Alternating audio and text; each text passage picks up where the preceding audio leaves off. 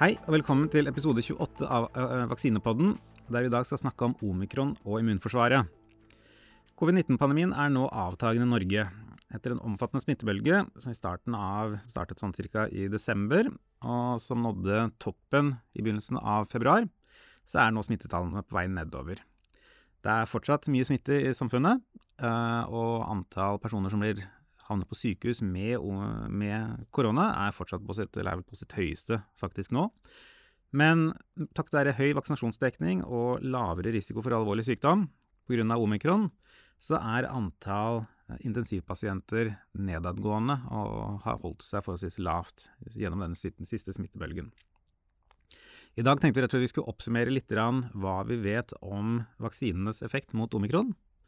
Uh, og hvilke immunresponser man da får etter å ha gjennomgått omikronsmitte. Uh, og hva dette rett og slett vil bety for pandemien framover.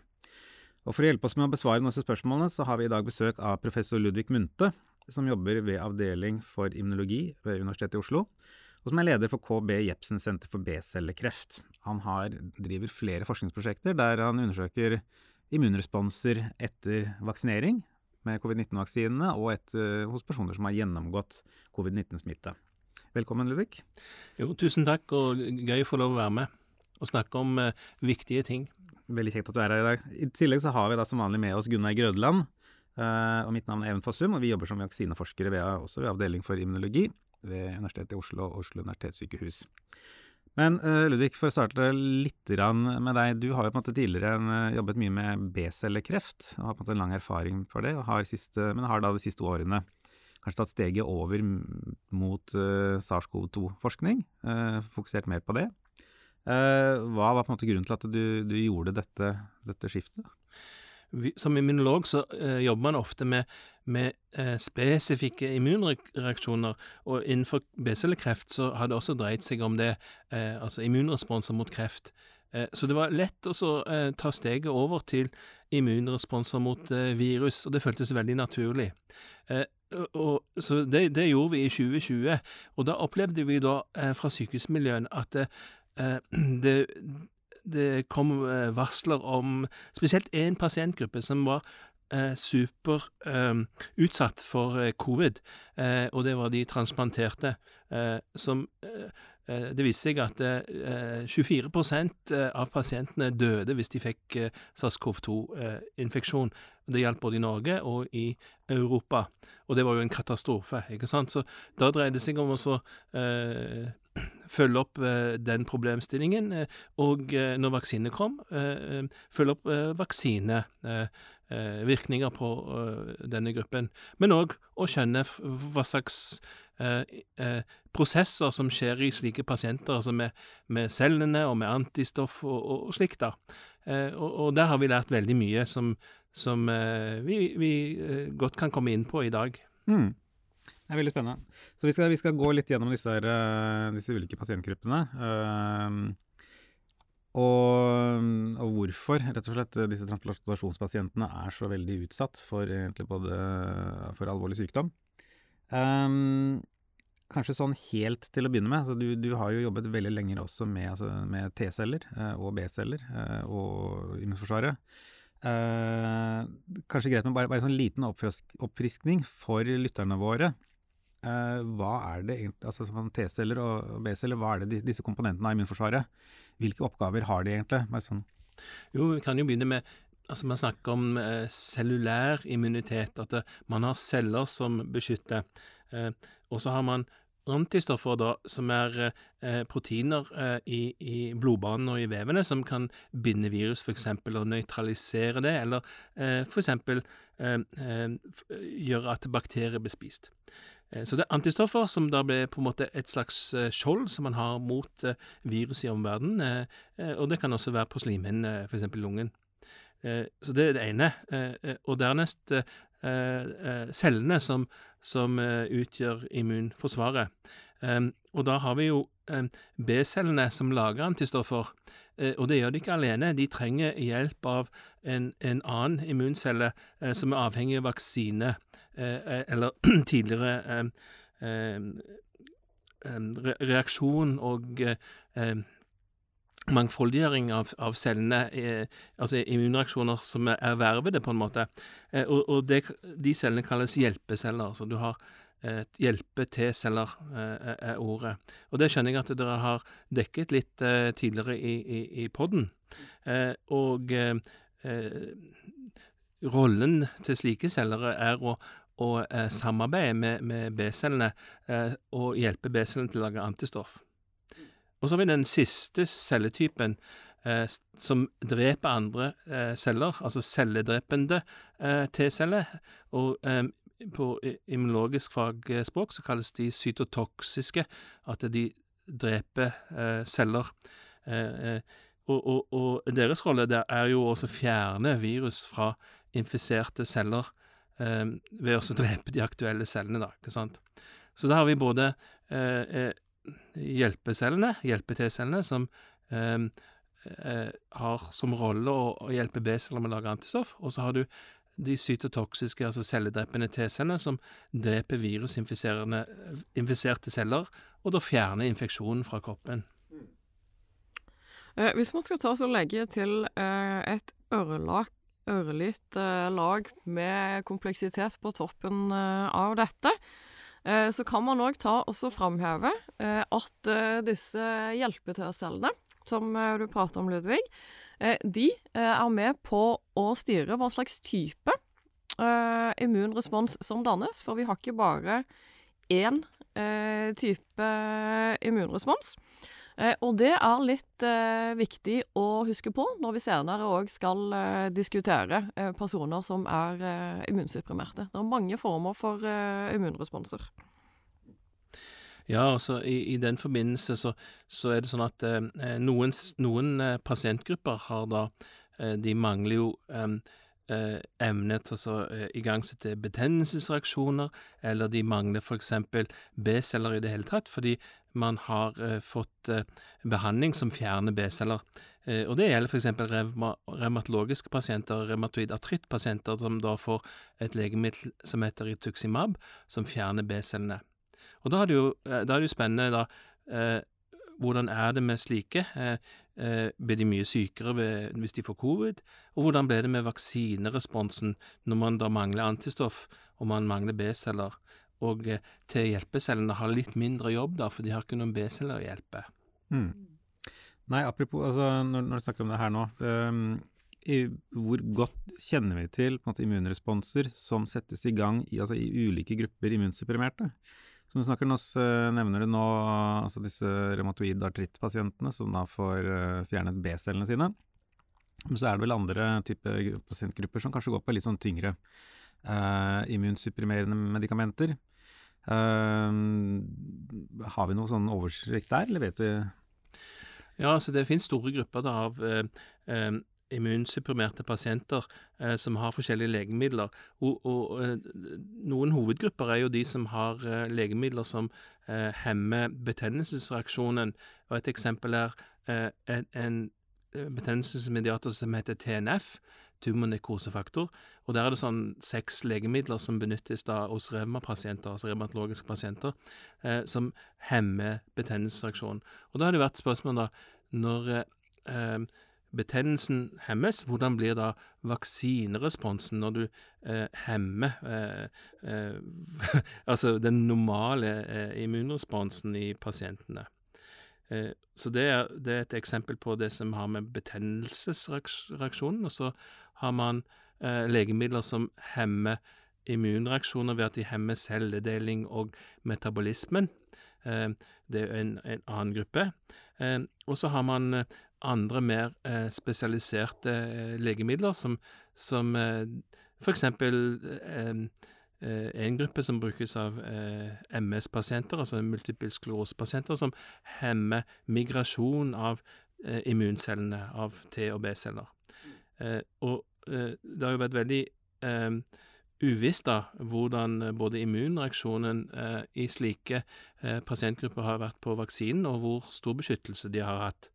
Eh, dessuten tidligere eh, eh, hvor alvorlig covid ville være for slike pasientgrupper. Men når man velger eh, disse medikamentene for eh, de som da blir immunsupprimerte, så er det et veldig, veldig bevisst valg.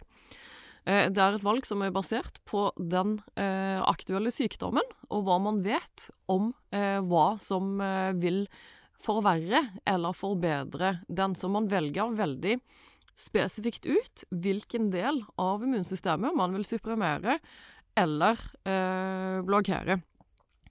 Eh, og det er fordi når det gjelder grunnleggende eh, immunresponser, så vet vi faktisk ganske mye om hvordan eh, dette fungerer. Eh, og så er det eh, en del spørsmål som Ludvig er inne på, når det gjelder hvordan ulike grupper vil respondere på én bestemt vaksine eller én bestemt eksponering. Men grunnlaget er at vi har eh, ganske god eh, oversikt både over hva som skjer etter eh, vaksinering, og hva som er grunntilstanden, Mm. stort sett, for ulike eh, sykdomsgrupper. Her er det unntak, men eh, for mange av disse sykdommene så vet man en del. Ehm, men du nevnte da den der, eh, initielt denne gruppen av nyretransplanterte, uh, som da hadde veldig høy dødelighet uh, ved smitte. Um, hvilke medikamenter går de på? Altså sånn Hva det som gjør de på en måte ekstra uh, sårbare, kanskje kontra noen av disse andre gruppene, som også De, de- har enten to eller tre legemidler. Jeg tror ikke vi skal bruke tid på å gå inn på de, men de, de hemmer da immunreaksjonene, hemmer signal, signaloverføringen eh, og eh, em, responsen, rett og slett, på, på betennelse og slikt. Så det, ting går mye, mye treigere i, i slike pasienter. Eh, og det er fordi at de ikke da skal forkaste organet sitt, altså det transplanterte organet som de har. Eh, det er rett og slett eh, store bremser på immunsystemet. Eh, og i Norge så er det jo eh, veldig mange nyretransplanterte pasienter. Det er, vi har vært veldig flinke til å eh, benytte eh, transplantasjon som behandling av de som har nyresvikt. Og det er 3600 da, eh, i, i, i Norge, så det er veldig mange pasienter. Og det var jo på en måte en forestående katastrofe som man eh, så for seg hvis epidemien i 2020 hadde tatt av. Eh, hvis ikke vi, vi hadde eh, vært vellykket i å beskytte eh, eh, Altså, for vi hadde jo veldig lave smittetall i Norge. Så, så kunne det betydd eh, utrolig mye for denne pasientgruppen, da, når en fjerdedel av de som fikk ble smitta, døde. Eh, det, men det var i 2020, og så kom jo vaksinen, da, ikke sant? Og når vaksinen kom, så, så ble det jo slik at eh, eh, det var et helt annet håp. Men vi var jo klar over at eh, det som gjorde at risikoen var veldig høy i denne gruppen, også eh, ville kunne påvirke vaksineresponsen. Så derfor ble det igangsatt arbeid for å eh, monitorere vaksineresponser, både når det gjelder antistoffer, men òg når det gjelder selvresponser. Eh, og i april da, i 2021 så søkte vi eh, en vaksineallianse, eh, altså internasjonale vaksinealliansen som heter CEPI, og fikk eh, 26 millioner kroner til å eh, gjennomføre slike studier i, i Norge. Eh, og det var første gang norske forskere hadde fått støtte fra CEPI. Og en av grunnene var jo nettopp det, hvor- altså viktigheten av å se på eh, hvordan vaksineresponsen var i disse ekstremt eh, utsatte eh, gruppene. Og siden da, siden april i 2021, så har vi jo nettopp gjort det, og, og påvirket egentlig eh, eh, vaksinedebatten eh, ved, ved nært samarbeid med FHI og flere eh, sykehus i, i, i, i Norge. Eh, viktigste bidragsyterne har vært Diakonhjemmet og Ahus, i tillegg til OS. Men i tillegg til det så er det eh, flere sentre rundt i, i, eh, i, i Norge som, som har pasienter. Og det er veldig store tall. Eh, vi har jo eh, samlet eh, celleprøver fra 1800 eh, i løpet av forløpet. Altså fra før vaksinen, og så etter første, andre tredje dose, og fjerde dose, som etter hvert kom. Eh, og, og, og når det gjelder antistoffer, eh, eh, tigangeren av det. Altså sånn at det er 20 000 pasienter som er, har blitt eh, fulgt opp. Eh, og det har gjort at vi har hatt eh, i Norge en unik, unik eh, forståelse og informasjon eh, om eh, eh, vaksinerespons eh, som har har gått rett eh, fra FHI til helsemyndighetene og regjeringen, og har gjort at vi, vi har hatt kunne styrt da vaksineringen. Altså, vi starta tidlig med tredje dose, vi starta tidlig med fjerde dose. Og, hadde, og grunnlaget var jo kliniske studier da, som vi mm. gjorde da i 2021, eller starta i 2021. Um, kan du, altså Hvordan responderer disse uh, pasientene på vaksiner? Kan du si noe om det? Så Vi begynte jo med de aller verste da på, med en uh, dødsrate på 24 ikke sant, som er helt, helt forferdelig. Uh, men etter andre dose, altså når man da oss ellers, oss resten av befolkningen var fornøyd, eh, og ikke eh, lenger hadde eh, dødsfall i andre deler av befolkningen, så, så var, det, var, vi ikke i mål i det hele tatt eh, på de, eh, eh, disse pasientene her. Så for eksempel på nyretransplanterte så var det dessverre fem, tror jeg, som døde mellom andre og tredje dose. og så har det vært avtagende deretter. og da snakker vi om slutt slutten, altså oktober, november, desember i, i eh, 2021, eh, hvor vi også hadde en veldig økning pga. delta, som også var en variant da, som ga mer alvorlig sykdom, eh, og òg var, eh, altså, eh, var mer smittsom enn den, eh, tidligere, de tidligere variantene. Så det var en skikkelig stor utfordring på slutten av fjoråret. Men, men, det var veldig tydelig at eh, tredje dose og etter hvert fjerde dose eh, hadde en eh, effekt. Og, og, nå, når vi nå har omikron, så, så er nok svaret at vaksineringen av denne gruppen har gjort at de kunne forsvare seg mot omikron på en mye bedre måte. Uh, ja, og jeg tenker at det du sier med flere doser, det er uh, veldig viktig å understreke viktigheten av uh, for denne gruppen. Og egentlig stadig flere doser, om det skulle bli nødvendig. fordi det man jo ser i noen av de, er at selv om de i utgangspunktet har eh, svekka evne til å danne immunresponser, altså B- og T-celler, som vi diskuterte litt tidligere, så vil det kunne danne litt.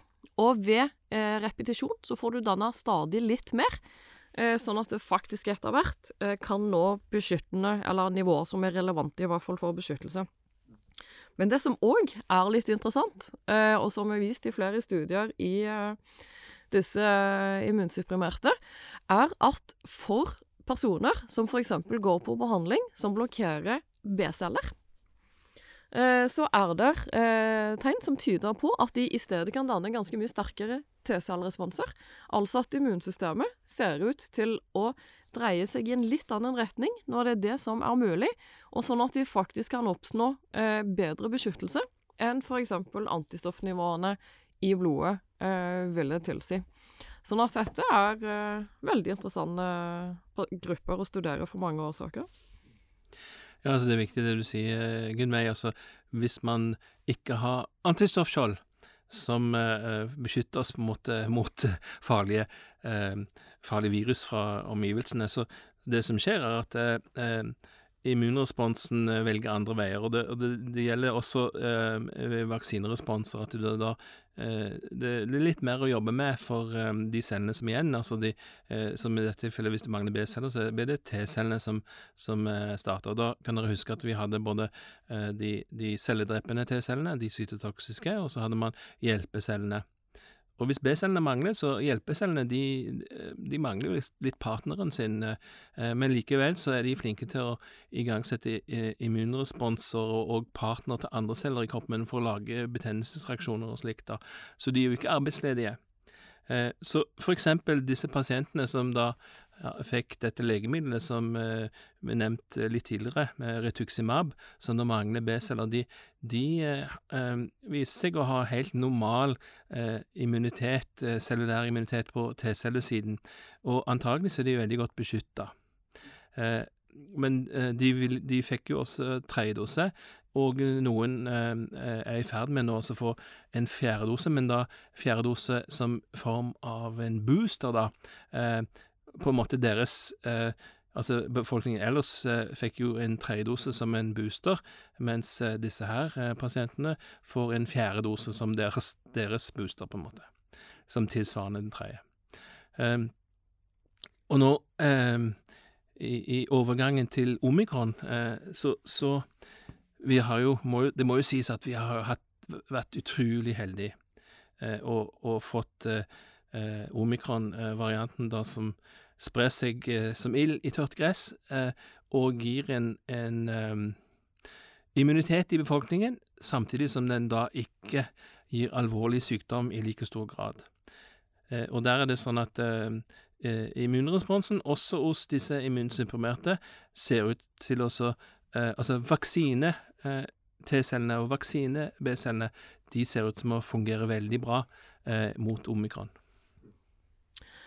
Men uh, Ludvig, uh, det man jo sitter og tenker på med disse uh, manglende immunresponsene og redusert evne i disse immunsupprimerte til å danne immunresponser selv, er jo at det har kommet en del hjelpemidler på markedet. la oss kalle det kunstig immunitet. Det er nå ikke egentlig akkurat det, men antistoffer, eksempel som kan gis medikamentelt. Medi ja, dere skjønner hva jeg mener. Eh, for å hjelpe eh, disse pasientene likevel. Ja, eh, det var jo tidlig snakk om et middel fra AstraZeneca. Det hadde ikke fått et eh, eh, ordentlig navn, så jeg husker bare tallene. ACD7442. Ikke sant, hvem husker det? Men eh, det holdt vi på å lage en studie på i månedsskiftet desember, eh, eh, januar, fordi vi, det, dette et, var et antistoff, en, to antistoffer som fungerte utmerket på, på delta. Så da kunne man gi en langvarig beskyttelse Altså på en måte et skjold for de som mangla skjold, antistoff, eh, som ville forhindre da deltasmitte hos de som mangla antistoff. Eh, men så kom omikron, og så viste det seg at det hadde, dette legemiddelet funka ikke på omikron-varianten. Og da var vi like, like, langt. Men det er egentlig litt uh, utrolig, uh, ja. fordi dette medikamentet inneholder jo to forskjellige antistoffer. Ja. Som skulle binde to forskjellige steder på mm. spike, nettopp ja. for å forhindre at det skjedde. Og så skjedde det likevel. Det skjedde likevel. Det ene av de antistoffene hadde 1000 ganger dårligere og det andre hadde omtrent 35 ganger dårligere binding eh, til omikron. Og, og, og, det var jo eh, ille, da. Selskapet eh, mista jo på en måte sine sjanser i, i, i markedet og ble ikke FDA, eh, FDA godkjent. Eh, eh, og det var jo egentlig veldig dårlig nyhet for våre pasientgrupper, som da kunne få et dette legemiddelet var langtidsvirkende, seks måneder beskyttelse eller mer. men rett og slett det fungerte ikke mot eh, omikron. Eller det, det vil si, eh, senere så ble omikron-varianten som det er aktuelt, eh, kalt BA1. Eh, det, bandt ikke BA1 og hjalp da ikke mot den smitten som var i Norge i den perioden. Og det som skjedde da, var at planene ble lagt litt på is. For de er fortsatt litt på is. Men eh, deretter så har vi jo fått en liten eh, vending som eh, eh, eh, Vi har fått nemlig BA2, eh, som, som, har utfordret måten vi tenker på. Men, ja, og BA2 er i utgangspunktet nå den omikron-varianten som er dominerende i Norge, bare som en recap. Riktig. Så, så det begynte med BA1, og så 10 eh, ca. hver uke har den andre varianten økt, så den har vært litt mer smittsom. Så nå er vi på 60% ca. Så en fire-fem-seks uker til, så er, er det nok eh, BA2-varianten eh, av omikron eh, som gjelder. Og det vil ikke eh, som regel eh, være interessant for eh, norske befolkningen, annet enn eh, eh, denne spissfindigheten med antistoffbehandling.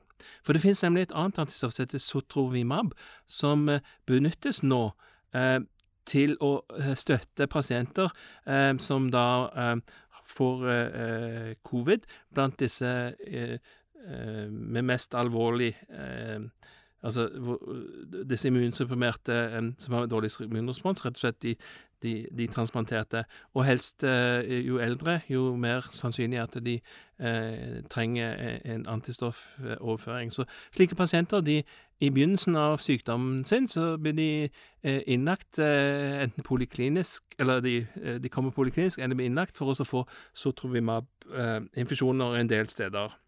Og da tenker man at det hjelper da mot eh, omikronsmitten. Altså det, det gir på en måte støtte, eh, litt skjold mot eh, inntrengning i celler og slikt da rundt omkring i kroppen. Mm.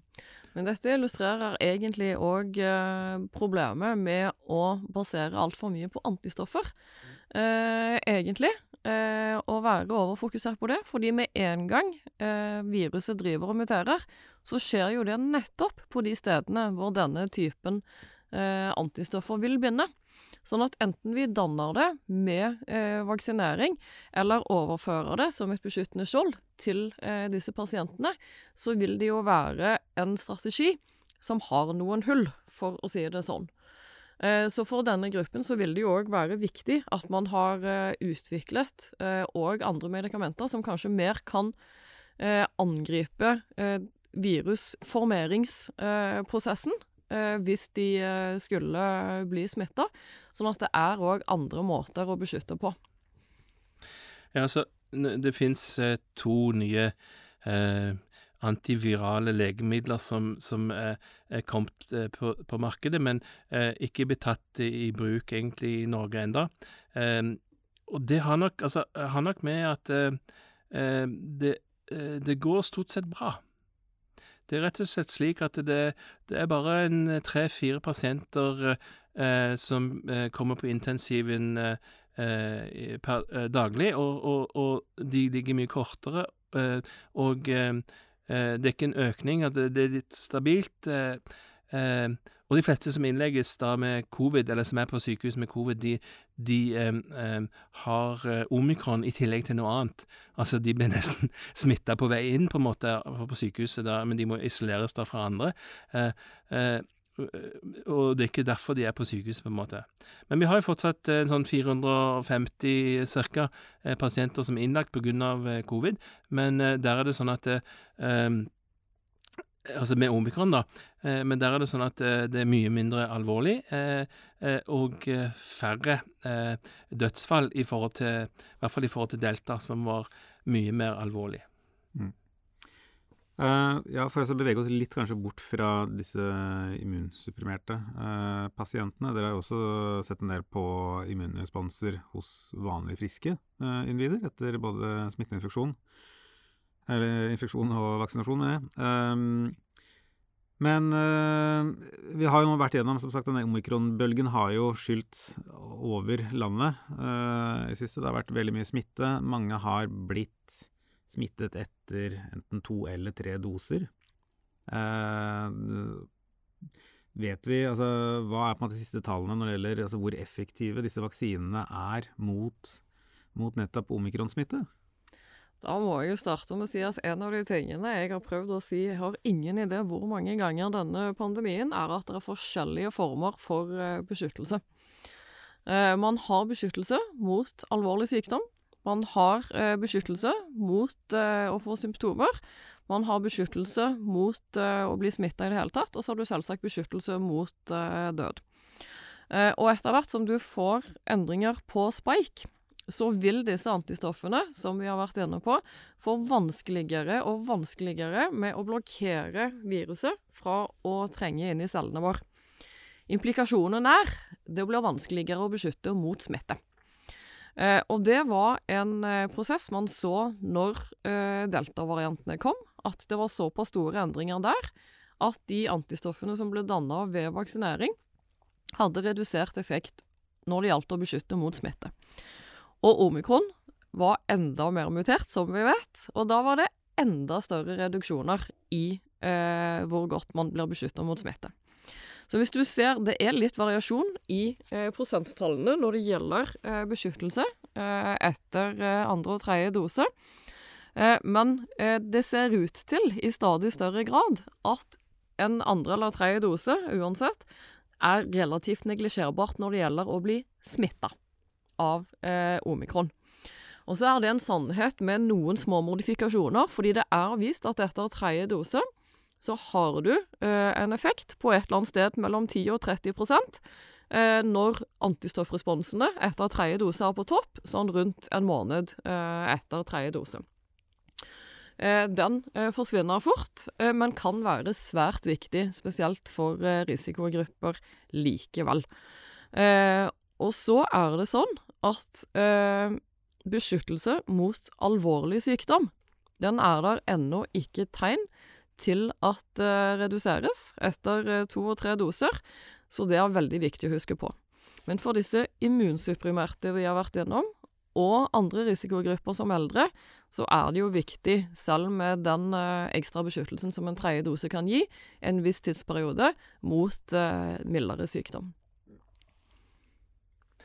Um, kanskje jeg kan følge opp litt der. For uh, det vi snakker om nå, er egentlig gjennombruddsinfeksjon. Det vil si infeksjon som på tross av at man er vaksinert, at man utvikler sykdom. I tillegg har man vanlig altså covid, da, rett og slett for de uvaksinerte. Men eh, det, nå er det snakk om gjennombruddsinfeksjon. Og grunnen til at alle, stort sett, eller veldig mange, får eh, omikronsmitte, er nok det at eh, antistoffene som du har, ikke fungerer like godt. Og, og det som skjer da, er at eh, vi eh, eh, får Mange får feber, Eh, og eh, ja, en sånn litt, litt intense influensasymptomer, da, over eh, en tre-fire-fem dager, hodepine og slikt, og i tillegg kanskje kan ha diaré og sånne ting på grunn av at viruset er også i tarmen. Det er eh, egentlig veldig viktig, en veldig viktig utvikling som signaliserer at pandemien for folk flest er eh, på vei mot slutten. For det som skjer da i, immunreaksjonen på eh, pasienter, eh, og oss alle da, som har eh, omikron, er at eh, eh, man eh, utvikler seg fra vaksinerespons mot spike til respons mot resten av viruset. Og på resten av viruset så har du så mange deler som immunreaksjonen kan reagere mot, at man får en veldig bred immunrespons. Og antagelig så vil man ha den immunresponsen til man er 95 eh, eh, på sykehjem. Altså det blir livslangt. Eh, og en viktig grunn til det er jo at eh, T-celleimmuniteten er så langvarig. Eh, så, så eh, det betyr at når man får omikron, så vil veldig mange, i hvert fall de som har feber og slikt, utvikle en bred immunitet. Og, og dermed så spiller det litt mindre roller om man får en, eh, en ny variant. Eh, jeg vet ikke hva som kommer etter omikron i alfabetet, da, men, men altså at man får en, en, en en neste variant. Eh, fordi immunsystemet eh, ditt da vil være, ha så god immunitet på alle mulige andre deler av viruset at om det er litt mutasjon her eller der, spiller ingen rolle.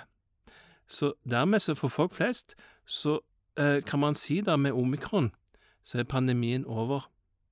Men for de, eh, den lille gruppen av eh, de som er høyest risiko, så er det fortsatt eh, all grunn til årvåkenhet og følge med.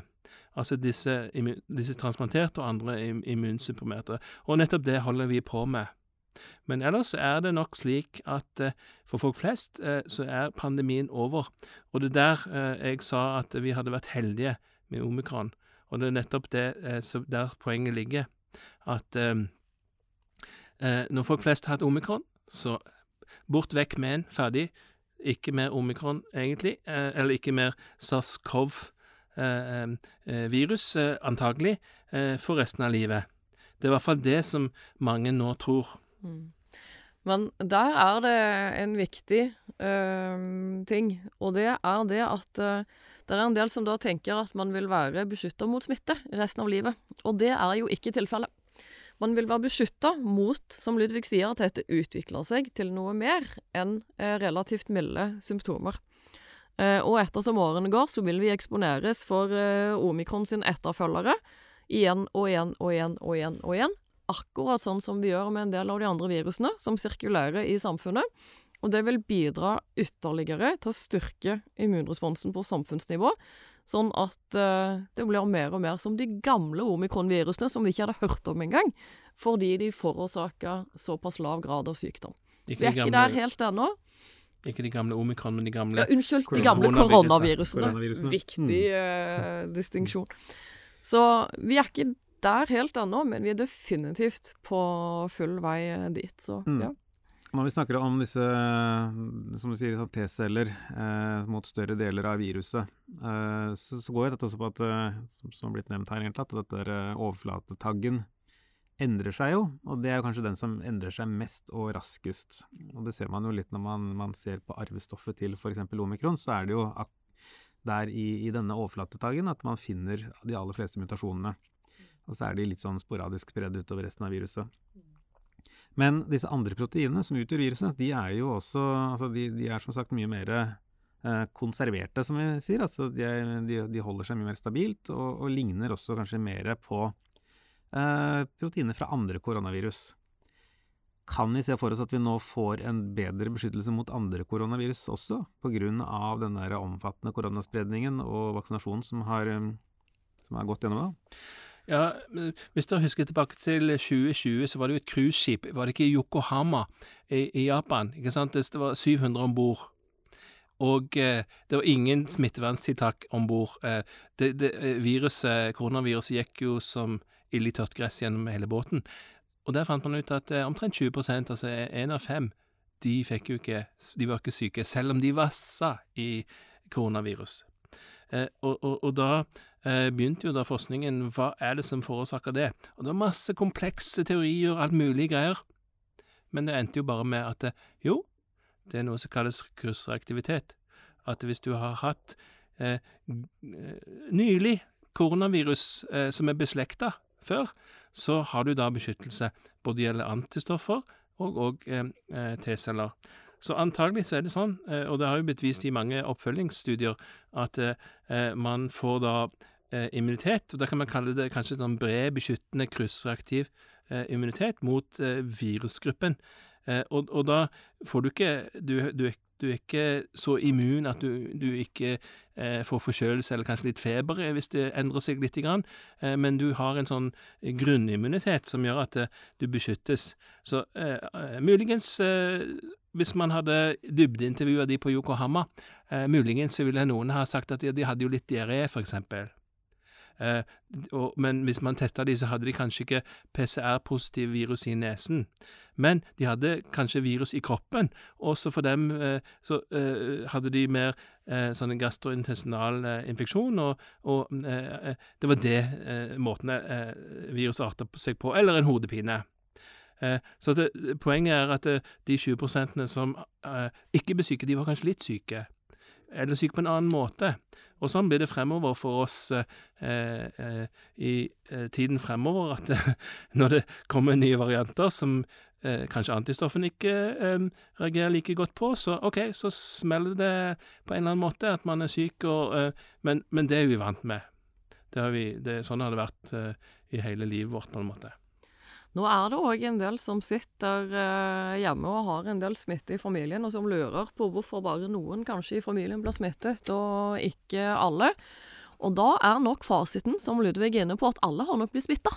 Men det er ikke alle som blir syke eller får noen særlige symptomer på den sykdommen. Og da kan det nettopp være disse tidligere eksponeringene for eh, de gamle koronavirusene som kan være en del av forklaringen.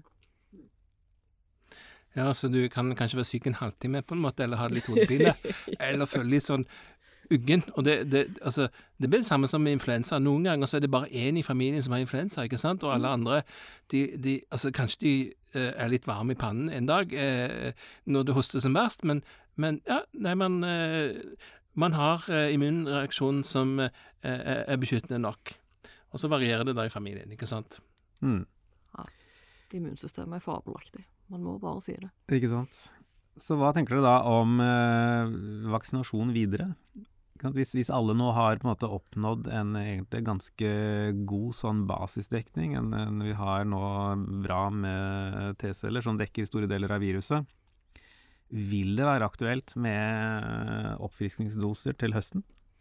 Jeg tenker at det aller viktigste der er å ikke snakke generelt om hele befolkningen, men å prøve å se litt mer presist på hva eh, behovet faktisk er. Eh, jeg tenker det er helt opplagt eldre og risikogrupper, og spesielt disse immunsupprimerte som vi eh, har pratet om nå, vil ha behov for minst én oppfriskningsdose til høsten. Men ettersom de fleste av oss som er eh, friske, og spesielt eh, yngre, har fått danna en grunnleggende immunitet, eh, og vil ikke ha behov for opprustningsdoser eh, videre. Jeg er helt enig i det. Det dreier seg nå å ha en eh, kunnskapsbasert tilnærming. Og det, det er risikogruppene. Og den generelle risikogruppen vil jo være de eldre. Eh, så, og der er det sånn vaksinere mot eh, influensa, og så kunne det gå eh, en måned eller to, eller kanskje det er seks uker, eh, og så kan man ta en annen vaksine. ikke sant? Så det blir, det blir en del av det vanlige oppfølging på fastlegekontorene. men så er det disse som kanskje ikke helt er i mål. Hvis de har for, eh, ikke hatt eh, Altså disse immunsupprimerte, hvis de da har unngått å bli eh, omikronsmitta, så trenger de nok eh, et par trappetrinn til. Det går mye treigere med immunresponsen. Eh, den blir gradvis mer eh, beskyttende. Og, og, og, da blir det eh, booster, og så booster igjen. Og så ser man da på antistoffresponsen at den faller mye raskere hos den pasientgruppen, kanskje fordi den er mer sånn kortvarig blaff som skjer da i, i, i eh, immunorganet, f.eks. milten, eh, i pasientene. Så at det, det, det eh, Ja, de trenger påfyll, eh, og så trenger man en, en eh, oppfølging sånn at, for å unngå at eh, de blir syke, og gjerne da med slike antistoffer som de kan få da. Det kalles jo en passiv immunisering, at man gir antistoffer eh, som eh, Altså, man gir ikke selve eh, vaksineantigenet, men man gir antistoffer som kan eh, beskytte.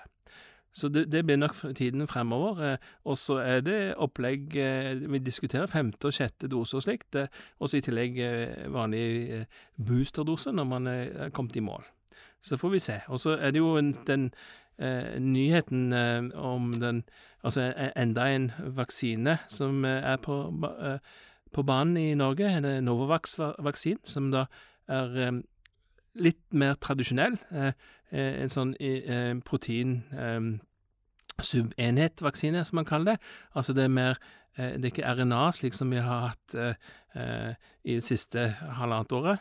Eh, men, men eh, proteinene. Og, og, det kan jo hende at eh, noen som har vært skeptiske mot vaksinering, da vil omfavne akkurat den, hvis de ennå ikke har blitt smitta.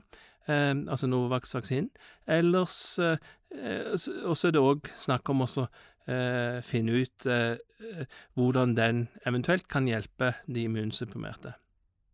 Men foreløpig så er det eh, RNA-vaksinene som har hatt den aller beste effekten, eh, og, det, og, det, ser man i, i hele verden, at det, eh, det er en formidabel ny, nyvinning på, i medisinsk forskning. mRNA-vaksinene som leverer på en relativt eh, altså en relativt revolusjonerende og ufarlig måte eh, selve den delen av, av viruset, eventuelt bakterien, da, så, som man eh, vil ha, rett inn i favnen til immunsystemet. Så, så, i løpet av de siste 10-15 eh, årene så er det nok den aller største vaksinenyheten, mener jeg, som man har, har hatt, en, og en veldig stor eh, Eh, teknologisk nyvinning som er kommet menneskeheten til, til gode, da. Mm. Helt klart. Mm. Som vaksineforsker må jeg jo bare understreke at der er jeg helt enig. Riktig. mRNA-vaksinene er veldig kule. ja. Nei, og så er det òg muligheter da for at man kan endre vaksinen eh, ved behov eh, mye enklere enn en ellers. Så, så det, det, det, det, det gir jo også håp da for disse her eh, eh disse eh, virussykdommene, ebola og andre sånne eh, eh, Zika, eksempel, som, som er et stort eh, eh problem eh, i mange utviklingsland.